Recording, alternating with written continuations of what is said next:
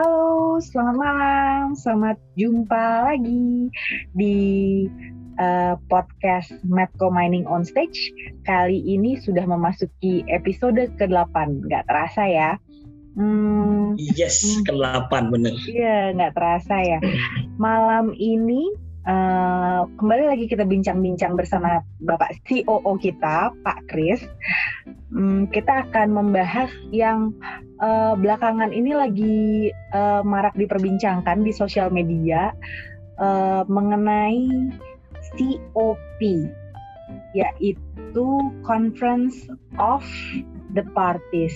Nah, boleh dijelasin nggak Pak, apa sih Conference of the Parties ini biar orang-orang tuh pada mudeng dulu gitu gitu.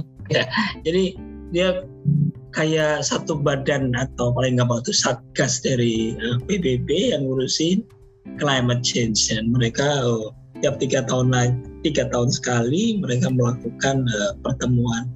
Jadi ini yang ke-26 di Glasgow di uh, sebenarnya ini tahun lalu harusnya ya tahun lalu tahun 2020 karena COVID tapi karena ya. COVID mundur kira-kira gitu. Oke, okay. hmm. tahun ini di Glasgow baru selesai minggu dua minggu lalu ya 13 November. Nah apa sih hasilnya? Boleh bantu ulas nggak Pak? Siap. Jadi hasilnya itu uh, so so simpelnya adalah uh, di wording terakhir. Jadi ada ada kayak closing remarks gitu. Jadi mereka bikin statement apa yang harus dilakukan.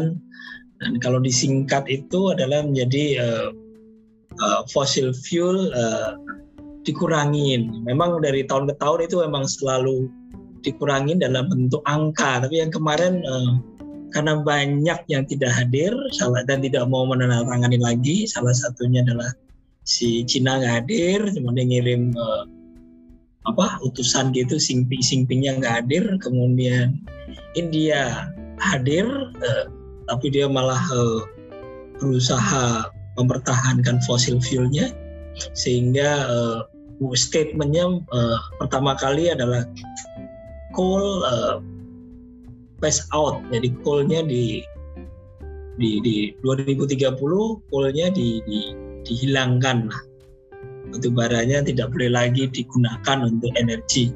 Tapi karena uh, India bersikukuh, uh, tapi dia mau tanda tangan, jadi kata-katanya jadi full face down di 2030. Itu singkatnya hasil COP26 di Glasgow. Jadi bukan di pass out alias dihilangkan, tapi di uh, face down alias dikurangi uh, jumlahnya gitu ya Pak? Betul. Nah, kalau boleh tahu uh, siapa sih negara-negara yang mendukung dan menentang? Tadi kan udah sebutin ada India. Kalau China udah otomatis uh, ini ya kayaknya against ya. Against China against. Karena kan nah, karena tidak mengirimkan. Terus kalau India hmm. nih, nah kalau dia bersikukuh berarti dia tuh termasuk yang mendukung apa yang menentang atau boleh dijelasin lebih lanjut nggak Pak? Iya, jadi yang negara emisinya paling gede itu yang pasti Cina dua adalah Amerika, ketiga India, keempat uh, uh, Australia, kelima Rusia, Indonesia nomor 10 kalau nggak salah. Uh, itu negara-negara yang pengimisi dan kemudian dari uh, lima besar tadi yang pasti uh, um, Cina nggak mau datang, Amerika dulu nggak mau datang zamannya Trump kan.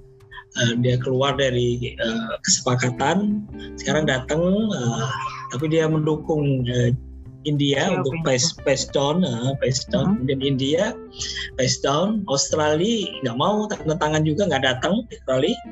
Okay. Uh, Rusia uh, setuju dengan India, jadi dia ber apa bermuka dua lah kebanyakan negara-negara itu biar nggak ditekan sehingga mereka uh, yang paling paling berani adalah perdana menteri Modi itu datang dan ngomong uh, kalian tidak bisa mendikte uh, kebijakan energiku karena gitu. Singkatnya gitu nih untuk negara pendukung uh, pendukungnya hampir semua hampir 146 itu pendukung selebihnya yang tadi ya. Pengemisinya negara-negara pengemisi uh, top 5 eh, nggak uh, mau. Oke, kalau gitu gimana sih um, ya antara negara pendukung sama penentang ini kan mereka berarti memiliki cadangan energi yang beragam gitu ya Nah gimana tuh? Boleh dijelasin nggak? Iya, jadi energi, energi mix percampuran energi yang dipergunakan tuh gimana sih antara negara yang mendukung dan negara yang menentang? Jadi energi mix itu bahasa lebih tepatnya itu adalah uh, apa ya distribusi atau uh, distribusi uh, sumber energi mereka. Jadi paling gampang ini adalah kayak Cina itu hampir sekarang ini hampir 63 persen, 64 persen dari dari fosil fuel, entah itu minyak, batu bara, gas. 63 persen lah dari selebihnya dia nyoba nuklir, dia nyoba uh, air, kemudian angin, uh, sama uh, solar panel apa uh, apa panel surya ya. Tapi panel suryanya kayak Cina itu kecil banget karena emang dia mataharinya nggak banyak, jadi angin. Nah, jadi um, hampir 63 persen. Terus kemudian kayak uh, Amerika malah uh, sekarang ini masih di atas Cina malahan tapi pengemisinya di nomor dua tapi uh, energi mix dari fosil fuelnya dia hampir 70 71 persen di atas Cina kemudian of course yang kayak uh, apa istilahnya negara-negara yang penentang tadi kayak Australia itu hampir dia uh, 80 83 persen itu dia adalah uh, fosil fuel. Dari batu bara, kemudian minyak yang jadi energi mix rata-rata mereka yang penentang itu memang fosil fuel. Kira-kira gitu nih jadi oh, yang kayak Indonesia lah. Indonesia sekarang fosil fuel gabungan dari minyak gas batu bara itu masih di uh, hampir sama dengan Amerika. Kita di 70 batu baranya sendiri di 38 persen. Tapi kan kita dari uh, pembangkit kita kan ada dari diesel kan kemudian dari gas ada yang di, yang kayak di Bali karena dia nggak boleh kotor dari gas. Kemudian yang di Batam uh, karena dijual ke ke ke Singapura yang pakai gas. Jadi Indonesia juga sama energi mixnya. Sehingga orang-orang yang uh, pendukung uh, maksudnya penentang uh, COP climate change ini yang memang masih tinggi uh, fossil fuelnya yang mencoba turun itu misalkan paling gampang itu uh, Prancis tuh. Prancis itu memang fosil fuelnya kecil karena dia hampir 60 persen, 58 eh, sampai 60 persen itu dia dari nuklir. Nah, dari nuklir lah kayak negara uh, Skandinavia, Norwegia, Denmark, Finlandia dia sudah renewable energy hampir di uh, di atas 50 persen. Jadi dia uh, ngambil dari karena di sana kan banyak banyak apa banyak apa dam-dam jadi dia pakai PLTA sehingga eh, di negara Skandinavia secara geografi memungkinkan mereka uh, eh, PLTA dan agak kacau balau ini adalah Inggris. Inggris ini berusaha pass out batu bara karena uh, apa istilahnya dia kan revolusi di industri masih ingat abad ke-18 abad ke-17 kan dia udah pakai batu bara. Sehingga dia mampu udah habis juga mungkin cadangannya? Masih banyak neng. Oke okay, masih, ya, banyak. masih banyak. Cuma dia batu baranya underground. Kosnya ah, mahal. iya, iya, iya, iya, iya. sehingga dia uh, ngandalin dari gas dari uh, di, dari uh, apa ya laut laut utara itu ya North Sea dari gas kemudian yang ada kejadian kemarin itu yang pas Glasgow itu mm-hmm. dengan ngandalin gas gasnya mahal dia hampir uh, 15-17 persen itu adalah renewable energy dia pakai uh, angin. Lah pada saat yang bersamaan kincir-kincir anginnya itu lagi maintenance tahun tahun ini. Sehingga pas udah gak bisa dipakai lagi harus di shutdown uh, itunya kincir anginnya dia ya udah. Batu bara nggak punya kan? Udah di pass out kan? Sehingga hmm. dia mau mau beli gas-gasnya mahal. Akhirnya ya itu tadi mau mati lampu even di Glasgow. Tiga sampai lima bulan sebelum COP kan agak agak apa tragis ya. Kira-kira gitu ngomongin tentang uh, energy mix di di negara pendukung dan penentang Jadi sebenarnya mix ini tuh uh, campuran antara tadi fossil fossil fuel tadi ya yang yeah. Jadi nggak cuman yang tadi nggak cuman ada batu bara doang, tapi fossil fuel juga ada gas. Ada uh, gitu, uh, ada, ada ada minyak, ada diesel. Ada minyak, ada diesel kayak gitu. Uh, uh, kemudian ada pembangkit listrik tenaga jadi, air. Iya, gitu. jadi jadi yang uh, ditent ya tapi yang ditentang hanya yang fossil fuel, nggak spesifik coal ya. Karena kan enggak, karena enggak. karena karena istilah awalnya kan tadi disebut ada coal face out dan coal face down. Jadi seolah-olah coal aja nih gitu. Padahal enggak cuman coal tapi memang yang di reduce atau yang berusaha dikurangi adalah penggunaan si fossil fuel itu sendiri. Karena memang dia pengemisi yang paling -hmm. banyak -hmm. di antara batu bara, minyak sama gas yang paling banyak batu bara -hmm. nih. Emisi -hmm. CO2-nya ya. Hmm. Emisi CO2-nya paling banyak adalah batu bara, baru minyak, baru gas, kira-kira gitu. Karena batu bara ini pembakarannya nggak sempurna, tapi tenaga uh, isinya dia sehingga CO2 itu adalah ketika pembakaran batu baranya nggak sempurna, jadi kebanyakan uh, oksigennya nggak terbakar, nggak kepake, tapi mengikat karbon monoksida sehingga dia menjadi CO2. Beda sama uh, minyak. Minyak pembakarannya sempurna. Kenapa minyak pembakarannya sempurna? Karena dia nggak punya nggak punya abu. Batu bara kan punya abu punya abu batu bara iya, sehingga iya. bikin pembakarannya nggak sempurna. Yang paling sempurna pembakarannya adalah gas sehingga emisi CO2-nya paling rendah. Jadi oh. kenapa orang eh, sasaran pertama itu ya batu bara? Terlalu cool, iya. Gitu. Oh, Oke, nah kalau seandainya bicara lagi energi mix dan uh, perusahaan-perusahaan fosil fosil fuel di negara pendukung dan negara penantang nih, gimana tuh, Pak? Iya, iya. iya posisi, iya, jadi, posisi, positioningnya. Jadi ini nyambung dengan pembicaraan kemarin. Jadi energi fosil apa negara-negara yang uh, di mana uh, berlandaskan fosil fuel. Jadi uh, ini berhubungan dengan yang uh, pembicaraan minggu yang lalu tentang harga batu bara kenapa naik? Uh, kenapa harga minyak juga naik? Harga gas yang biasanya cuma 6 dolar 6 dolar per MMBTU sekarang udah 23 dolar per MMBTU itu sama dengan uh, dari 6 ke 23 kan hampir 4 kali lipat toh. Jadi bayangin kalau uh, harga batu bara kemarin uh, 50 dolar di awal, uh, awal awal awal awal awal Januari tahun tahun lalu itu sekarang ini kalau kalikan 6 50 kali 6 300 300 dolar kan batu bara nggak nyampe ke situ kan. Tertinggi kemarin kan 254 jadi yeah. uh, perusahaan-perusahaan fosil fuel ini uh, apa yang dilakukan di negara pendukung dan penantang? Jadi sebenarnya ada dua dua kutub. Kemarin aku bilang dua hemisfer ini ada dua kutub. Dua dua mazhab lah ya. Jadi negara-negara yang uh, pendukung uh, pendukung climate change jadi dia berusaha ngurangin uh, emisi dia mendiversify. Mendiversify bisnisnya jadi yang Shell uh, apalagi yang uh, Total. Kemudian perusahaan-perusahaan di Eropa BP BN Petroleum itu dia mendiversify. Dia tinggalin bisnis suatu uh, minyaknya. Dia masuk langsung uh, quantum leap atau melakukan loncatan hmm. dia kurangi investasi di fossil fuel batu bara minyak gas dia masuk ke bisnis yang di uh, yang namanya renewable energy. Dia masuk ke mana? Ke ke panas bumi dia masuk ke matahari dia masuk ke angin. Itu yang namanya diversify.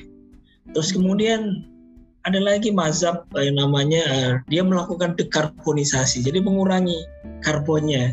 Itu yang dilakukan di Amerika, Chevron, Texaco, uh, perusahaan-perusahaan Amerika ini nggak nggak meninggalkan fossil fuel, tapi dia mengurangi. Contohnya adalah kalau batu bara tadi kalau pembakarannya nggak sempurna, maka dia uh, ini naik pakai pembangkit yang uh, sangat efisien pembakarannya namanya super critical sehingga emisi CO2-nya jadi berkurang. Nah, dia melakukan dekarbonisasi jadi pengurangan karbon. Tapi kalau di Eropa dia langsung loncat dan itulah yang terjadi sekarang kenapa harga minyak gas batu bara meningkat karena infrastruktur hampir lima tahun enam tahun yang lalu sampai sekarang nih orang-orang di Eropa tuh udah nggak mau ngurusin uh, rignya di uh, laut utara sana. Dia nggak mau ngurusin uh, infrastruktur batu bara infrastruktur minyak dan gas. Sehingga ketika uh, habis pandemi kemudian orang butuh energi mereka telat.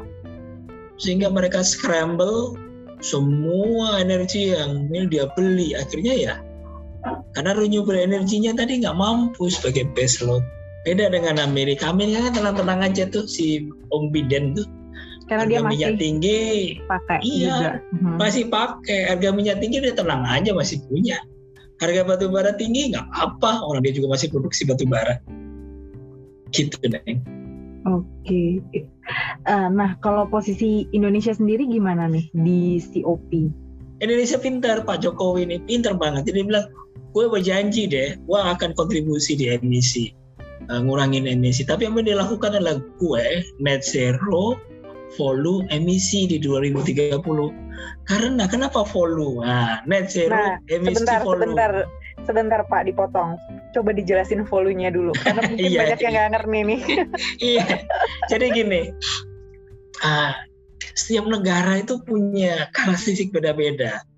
Amerika kontinen Inggris kontinen kan habis itu mereka nggak kayak kita yang kepulauan. Kita kan kepulauan di mana kita di katulistiwa. Sehingga eh, emisi kita itu beda dengan emisinya orang Amerika orang Eropa even Australia.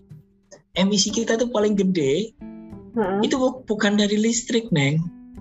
Bukan dari uh, CO2 dari kita gitu dari apa dari usaha kita bikin listrik pembangkit gitu kan bakar batu bara bakar minyak bak- bakar Hmm. diesel bakar Hmm. gas. Enggak. Emisi kita paling gede itu di Indonesia dari kehutanan.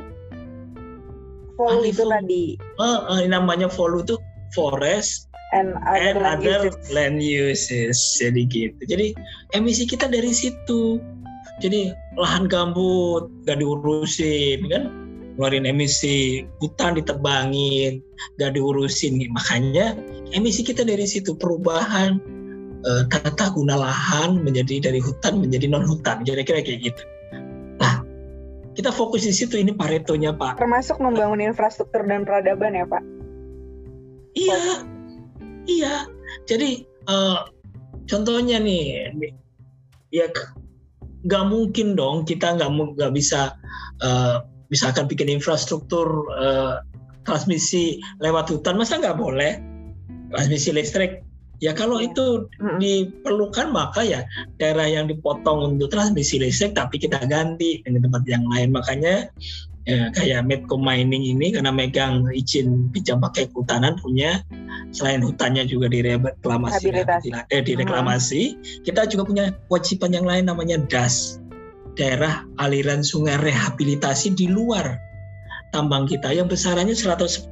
Jadi kalau kita punya dinunukan 1000 hektar, maka kita harus me- merehabilitasi aliran, daerah aliran sungai di Tanjung Selor seluas Mm-mm. 1100 hektar. Nah, itu yang dibikin sama Pak Pak Jokowi. Gue berjanji nih, tapi gue yang bisa gue pegang nih, yang bisa gue kontrol kehutanan. Jadi eh, hutannya dikontrol sehingga emisinya nggak gede, sehingga targetnya net zero emisi dari eh, 2030 di di volumenya di 2030. Kalau kita janji kayak orang mohon maaf orang-orang orang-orang Eropa gue nggak ngemisi 2030 atau sekarang ini diplesetin kan kemarin even Pak Hilmi aja salah itu dia bilang deforestasi deforestrasi apa apa sih istilahnya tidak ada peng apa tidak ada pen- perambahan hutan lagi atau hutannya izin penjam izin ke hutannya lagi nggak ada dikeluarkan di 2030 salah. Bukan itu maksudnya. Hutan masih boleh dimanfaatkan tapi area-area yang eh, istilahnya terjadi pengurangan. Jadi hutannya misalkan 100 gitu dipakai 10 maka harus nyari tempat yang lain 10-nya itu dibikin eh, hutan lagi sehingga emisinya net zero gitu naik. Jadi boleh buka namanya net zero itu boleh buka tapi boleh diganti. Kira-kira gitu. Oke, tapi uh, untuk orang awam nih, uh, mungkin pikirannya jadi kayak gini. Oh oke, okay, uh, apa namanya? Uh, lo merambah hutan gitu untuk dijadikan sesuatu gitu. Untuk menggantikannya areanya di mana? Emang masih ada gitu. Kalau gitu pertanyaannya gimana? Ini aku mau uh, ceritanya mau sok-sokan jadi SJW. ada uh, gimana ada neng ada jadi ada yang sekarang nih lahan-lahan kritis uh-uh. itu banyak banget uh. makanya itu yang dijadi dijadiin kayak tadi kan kita punya bisa merambah seribu hektar ya kan. Uh-uh. maka kita harus mengembalikan seribu seratus hektar nah ini kan yang orang-orang nggak tahu maksud aku jadi gimana sih gitu cara cara kita untuk uh, lahan kritis yang dijadikan hutan lagi tuh kayak apa gitu. Kayak kita misalkan salah satunya tadi yang sempat uh, Pak Kris sebut soal reklamasi atau das. Nah tuh gimana tuh? Boleh ya. dibantu nerangin nggak secara buat awam nih? Reklamasi sama das itu eh, sama rehabilitasi beda ya. Nah, reklamasi ya. itu hmm. daerah yang ganggu yang seribu hektar hmm itu harus dikembalikan ke negara dalam kondisi hmm. seribu hektar itu hmm. kondisi semula makanya namanya reklamasi, reklamasi. Nah, uh, kemudian kita revegetasi lagi hmm. gitu. jadi jadi seribu hektar yang kita pakai kembali lagi ke negara dalam bentuk hmm. hutan tapi hmm. tapi ini tapi hmm. kita diwajibkan sama pemerintah merehabilitasi lahan yang kritis yang lain seribu seratus jadi negara sebenarnya diuntungkan. Jadi nanti punya hutan baru, ya kan? Sebenarnya nggak hmm. punya hutan baru. Hutan hutan hutan barunya 1100. Hmm. Hutan hutan lamanya yang seribunya itu kita ambil alih, kita hmm. pinjam pakai, kita balikin hmm. lagi. Jadi sebenarnya setiap dia ngasih izin uh, berapapun angkanya, dia akan nambah 110 persen. Negara diuntungkan dengan uh, net zero emisi dari volume. Iya, gitu. Yeah, Jadi yeah that's my point actually jadi kayak ya itu jadi kayak yang orang nggak tahu kan soalnya itu kan kalau SJW kan berpikir lo terus digantinya di mana? Emang ada? Nah ternyata dengan kita menambang kita bahkan uh, nggak nggak mengurangi tapi kita kembalikan bahkan nggak cuma mengembalikan tapi kita lebihkan kayak gitu. Ada tindakan-tindakan lain yang yang bermacam upayanya gitu dari dari reklamasi sendiri, dari rehabilitasi juga dan das hmm. juga gitu. Ada ada ada bermacam upaya yang kita lakukan biar tetap menjaga sustainability gitu. Gitu bukan Iya, Pak? jadi jadi maksudnya tadi reklamasi tadi -hmm. itu di daerah tambang kita sendiri -hmm. di Nunukan. -hmm. Terus nah, kita nambah ya, lagi. Nambah lagi di Tanjung Selor. Iya. Se, se, sejumlah 110 persen. -hmm. Jadi kita tambahkan hutan lagi baru, -hmm. gitu. Oke. Okay. Terus gimana sih kontribusi kita Indonesia uh, buat yang tadi kalau uh, kan tadi dibilang uh, emisi terbesar justru di volume kayak gitu kan bagaimana kontribusi kita biar uh, mengurangi ini nih apa sih uh, efek dampak buruk dari climate change agar suhunya nggak naik satu setengah derajat celcius seperti yang ramai dibahas oleh orang-orang. Iya, tadi ada sebelum kita ngomong kan ada tiga tiga ilmu fisika, biologi, geologi. Tapi kita nggak ngomongin itulah, jadi malah malah nggak fokus. Jadi kayak kita ngomongin bahwa net zero emisi kita, uh, kita berkontribusi itu adalah Pak Jokowi punya namanya National Determination Contribution lah istilahnya. Jadi uh, setiap negara tuh berjanji aku akan uh, bebas karbon katanya kan. Dengan gagahnya aku nggak perlu karbon. Ya iyalah lu punya PLTA banyak. Nah, Indonesia kalau mau pakai PLTA mana mungkin kita punya PLTA hanya ada beberapa yang gede-gede kayak di uh, di Skandinavia. Kita nggak mungkin. Kan harus kalau ngomong PLTA kan uh, harus punya kontur gitu kan. Harus hmm. banyak sungai. Nah di kayak di Nusa Tenggara Barat mana ada sungai gede. Di Sulawesi juga nggak banyak apalagi di Maluku. Kita kan kepulauan. Jadi uh, setiap negara punya strategi atau yang kita ngomongin tadi energi mix bauran energi. Oh ya katanya tepat itu bahasa Indonesia bauran energi yang beda-beda. Jadi yang apa disampaikan Pak Jokowi, pemerintah kita adalah dengan kita nasional NDC National Determination Contribution kita di 2060 kita akan net zero emisi.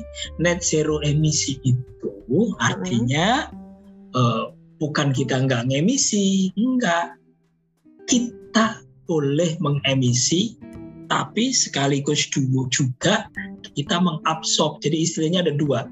Kita mengurangi karbon yang dekarbonisasi tadi yang orang-orang Amerika itu pinter banget. Mm -hmm. Dia dekarbonisasi bukan dia ninggalin fossil fuel, tapi dia mengurangi. Contohnya kalau batu bara dia pakai super critical gitu kan.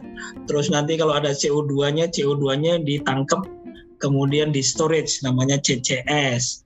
Kemudian uh, jadi istilahnya ada uh, sang. Jadi diambil karbonnya, CO2-nya di dimasukkan lagi di storage lagi. Caranya macam-macam. Tadi kan Pak Kris ngomongin CCS jadi karbonnya karbon dioksidanya ditangkap dimasukkan lagi ke eh, ladang-ladang minyak menjadi EOR-nya kayak uh, kita punya di Rimo. Jadi diinjeksikan ke ladang minyak untuk hmm. memompa minyak. Itu ada ada juga itu orang memakai kayak gitu karbon CO2-nya dipakai.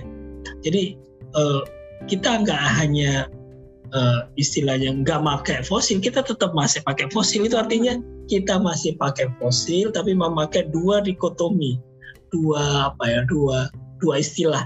Kita hmm. mulai pakai low carbon. Jadi hmm. contohnya adalah uh, tadi misalkan uh, low carbon itu kalau mining ini gampangnya adalah kita pakai biofuel, campuran diesel gitu loh, Neng. Itu low emisi. Uh, kemudian uh, apalagi ya kalau ngomong low emisi itu adalah tadi untuk pembangkitnya pakai supercritical sehingga CO2 emisinya kecil ya kan? Terus kemudian uh, low low karbon misalnya yang kedua adalah uh, sang karbon karbonnya disang tentunya tadi yang canggih ditangkap dimasukin jadi EOR kalau yang uh, gampang teknologi pedesaan ya nanam tanaman jadi karbon dioksidanya ditangkap sama revegetasi, reklamasi, sama rehabilitasi lahan. Sehingga kita bisa mengemisi dan kita juga bisa me mengabsorb sehingga hitung-hitungannya net zero. Jadi hitung-hitungannya zero gitu. Jadi ini pintar juga Pak Jokowi ini di 2060 janjinya kayak gitu. Bukan gua keluar dari karbon ya, tetap masih pakai karbon 2060. Okay. Tapi regulasi-regulasinya ditambah gitu ya untuk uh, perusahaan-perusahaan yang bergerak di bidang energi gitu mungkin ya. Sekarang kan udah ada uh, ada karbon tax pajak karbon. Iya. Uh, tapi itu nggak bisa berdiri sendiri, itu harus ada uh, nilai ekonomi karbon. PP-nya baru keluar, peraturan hmm. presidennya baru keluar. Nanti uh, tahun ini mungkin masih belum jalan ya. Tahun depan jadi tahun depan bulan April Mei kalau nggak salah. Nanti kalau kita pas lagi episode keberapa nanti kita bahas menarik karena apa yang kita omongkan hari ini akan kejadian di sana bahwa Indonesia itu sebenarnya karena hutannya banyak karena oh, kita itu bisa mengabsorb emisi lebih banyak sehingga untuk ujung-ujungnya kita bukan uh, kalau ada nilai ekonomi karbon kita malah mengeluarkan kredit ke orang lain yang mengemisi Contohnya kayak Australia ini, dia sana gersang. Hmm. Kenapa dia menolak uh, COP26? Di sana gersang dia nggak bisa mengabsorb. Jadi dia ini nanti menjadi karbon kredit, dia akan membeli. Karena Indonesia karena hutannya banyak, hmm. kemudian uh, istilahnya kebutuhan listriknya juga penduduk kita kan emisinya kecil dibandingkan negara-negara maju. Sehingga kita bisa ekspor karbon kreditnya. Jadi apa yang dilakukan sekarang untuk uh, ke depannya bahwa di tahun-tahun dua tiga tahun lagi bahwa Indonesia itu malah punya bisa bukannya yang mengekspor batu bara tapi mengekspor karbon kredit kira-kira gitu nih. Nanti kita jelasin di uh, episode berikutnya tentang nilai iya, ekonomisnya dan karbon, kredit itu apa ya. Iya. Uh, terus uh, gimana posisi batu bara sendiri sebagai fossil fuel yang selalu dianggap jelek gitu di iya, iya, gak cuma di Indonesia banget. kayaknya hmm, sedih sedih banget aku, aku apakah aku, bisa tergantikan aku kalau kalau udah ada seminggu yang atau dua minggu yang lalu aku aku bikin uh, satu artikel bahwa batu bara itu nggak hanya satu dipakai nggak hanya untuk pembangkit listrik tapi dia juga bisa untuk bikin semen untuk bikin uh, nikel smelter untuk tembaga. Kemudian dia juga dipakai untuk bikin uh, bikin besi baja blast furnace. Kemudian yang di in, di Cina Cina itu nggak punya minyak loh neng. Minyak dia impor dia nol impor tapi dia punya banyak batu bara. Apa yang dia lakukan? Batu baranya digasifikasi dijadiin bahan baku untuk petrokimia. Nah fosil fuel mau gas mau batu bara mau minyak itu belum tergantikan untuk jadi industri petrokimia. Kalau nggak ada fossil fuel nggak ada rantai karbon nggak ada plastik neng. Nggak ada handphonemu yang di rumahmu. Tuh semua di rumah kita semua itu plastik. Nggak ada itu. Nggak tergantikan. Jadi uh, apa istilahnya? Nggak tanpa tanpa fosil fuel nggak akan nggak akan terganti nggak akan nggak akan bisa kita hidup sesuai dengan kenyamanan hari ini. Jadi uh, apa bahasanya paling gampang? Kalau untuk listrik nah harus fosil fuel tergantikan tapi untuk semen, petrokimia, untuk besi baja masih belum ada ya teknologinya menggantikan. Gitu, Neng. Oke. Okay. Kalau untuk fuel, nah, kalau untuk fuel, untuk fuel harus tergantikan karena uh, contohnya tadi untuk transportasi kita mobil ya kan mobil. Tapi transportasi di Indonesia ini juga emisinya cuma 20 20 25 persen lah emisi emisi dari dari dari transportasi kita. Nah nanti yang tapi 25% ini berkontribusi dong kalau kita berubah menjadi mobil listrik. Oke. Okay. Terus jadi uh, yang fuelnya tergantikan, tapi kalau yang uh, petrokimia, smelter, besi baja enggak. Belum. Kalau enggak kayaknya gagah banget dong. Oke. Oke, menyambung yang tadi, uh, terus jadi kita nih posisi kita sebagai uh, perusahaan mining, nah apa sih yang harus dilakukan uh, perusahaan mining dan industri, industri batubara di Indonesia deh gitu? Apa sih yang harus kita lakukan untuk apa ya? Dalam hal ini yang tadi kita bahas zero emisi segala macam menggantikan gitu. Uh, ini uh, berangkai kita bicara kemarin mulai aku nggak tahu yang kita undang kemarin mulai dari Pak Ipe, Pak Huda, Billy semua mengatakan uh, industri kita batu bara nggak akan tutup. Katanya kan gitu toh? Bahwa uh, sampai waktu 2060 itu ya masih dioptimalkan lah gitu ya. Semuanya sih kayaknya membahasnya itu. Uh, even ya mereka ngomong nggak akan terjadi di umur kita lah. Malah uh, Pak Kris melihat tadi kan dengan pertanyaan yang tentang apakah uh, fosil fuel akan tergantikan, iya kalau fosil kalau sebagai fuel akan tergantikan. Tapi uh, untuk yang lain enggak. Jadi kemudian dikaitkan dengan apa yang dilakukan oleh mining industry dengan ini. Kita bisa lakukan dua hal yang berhubungan dengan nomor 6 tadi, net zero emisi 2060.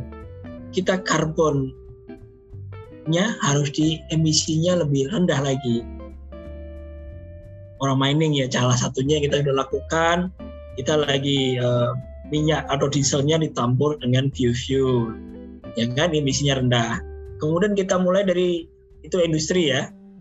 Kemudian dari uh, apa kalau listriknya itu apa istilahnya dia nggak perlu base load misalkan untuk listrik di jalan jalan hauling atau di stockpile untuk penerangan bisa pakai uh, low carbon solar panel gitu kan. Jadi atau yang low emisi lagi yang good mining practice yang kita lakukan ya kalau nambang ya uh, fuel ratio-nya yang rendah gitu. Jadi produktivitasnya harus bagus. Itu yang berhubungan dengan area yang low karbon, low emisi karbon. Seraya uh, orang-orang mining ini harus lebih uh, menekuni yang berhubungan dengan karbon sunk. Jadi contohnya adalah reklamasi. Boleh dijelasin nggak tadi karbon sang itu? Karbon sang itu adalah kegiatan reklamasi, revegetasi, dan rehabilitasi bukan uh, hanya untuk gimmick biar oh gue gue green loh enggak itu menjadi menjadi kewajiban. tujuan nah tujuan utama bukan kewajiban lagi menjadi malah itu kayak kayak tujuannya uh, uh, ya. lifestyle lah orang mining ini uh, bukan hanya ngotorin malah orang mining ini harus bisa bikin kayak cita-cita kita di Nunukan kita mau bikin uh, taman hutan raya kan? Begitu tahu batu baranya habis. Kayak gitu. Jadi menjadi semacam uh, bukan hanya apa ya neng uh, lab service gitu neng. Ya itu yang harus industri batu bara di Indonesia lakukan. Terus kalau ngomongin ke depannya ini ke mana nah Pak Kris tadi udah sampai in 2060 itu ada tiga bidang yang tidak tergantikan. Yang tergantikan cuma jadi jadi jadi fuel yang jadi pembangkit listrik ya. Tapi yang tiga bidang sisanya kan tidak tergantikan jadi kita akan masih masih istilahnya industri batu bara masih tumbuh kalau tumbuh kayaknya enggak ya. Tapi kalau untuk ketahanan energi nggak usah takut lah kita masih punya energi dari bara batu bara kita itu cadangannya yang ngomong uh, proven itu kalau dengan kapasitas kita sekarang ini 600 juta ton setahun, jadi kita nggak usah takut bahwa ketahanan energi kita eh, apa istilahnya terganggu kalau kita nggak nggak orang lain nggak mau ngekspor nggak kita nggak boleh ngimpor minyak. Ya kita punya batu bara banyak. Gitu nih oke. Wah. Seperti biasa padat berisi obrolan. Obrolan uh, apa? Obrolan masih sesungguhnya berat tapi dibawain dengan uh, santai khas Medco Mining on Stage. iya, semoga menginspirasi nih. Iya. Oke Pak Kris, seperti biasa terima kasih atas uh, insight-nya, atas uh, apa ya? Hmm. Aku boleh nambahin uh, boleh, boleh, key, boleh. Key, key point-nya biar uh, boleh, boleh, biar boleh. menjadi bottom line biar ingat lah ya iya, bahwa uh, transisi energi uh, untuk mencapai low emisi tadi uh, karena ini penting banget ya, closing remark ini. Transisi energi untuk low emisi adalah keharusan ya di di di, di, di dunia inilah bahwa kita harus memakai transisi energi yang low emisi. Kemudian batu bara sebagai steaming tadi akan berakhir lah, of course tapi kan ada uh, batu bara untuk bahan baku yang lain, petrokimia, smelter, semen akan terus ada. Jadi uh, sampai ada teknologi yang lebih green. Jadi itu yang uh, apa ya uh, bottom line uh, 30 menit perbincangan hari ini. Terima kasih banyak Kemala. Oke, sama-sama Pak. Oke semuanya, uh, terima kasih sudah mendengarkan. Uh, sampai jumpa di podcast selanjutnya yang tentunya nggak kalah menarik. Stay safe, stay healthy, and salam tambang. Salam tambang juga. Selamat malam semua.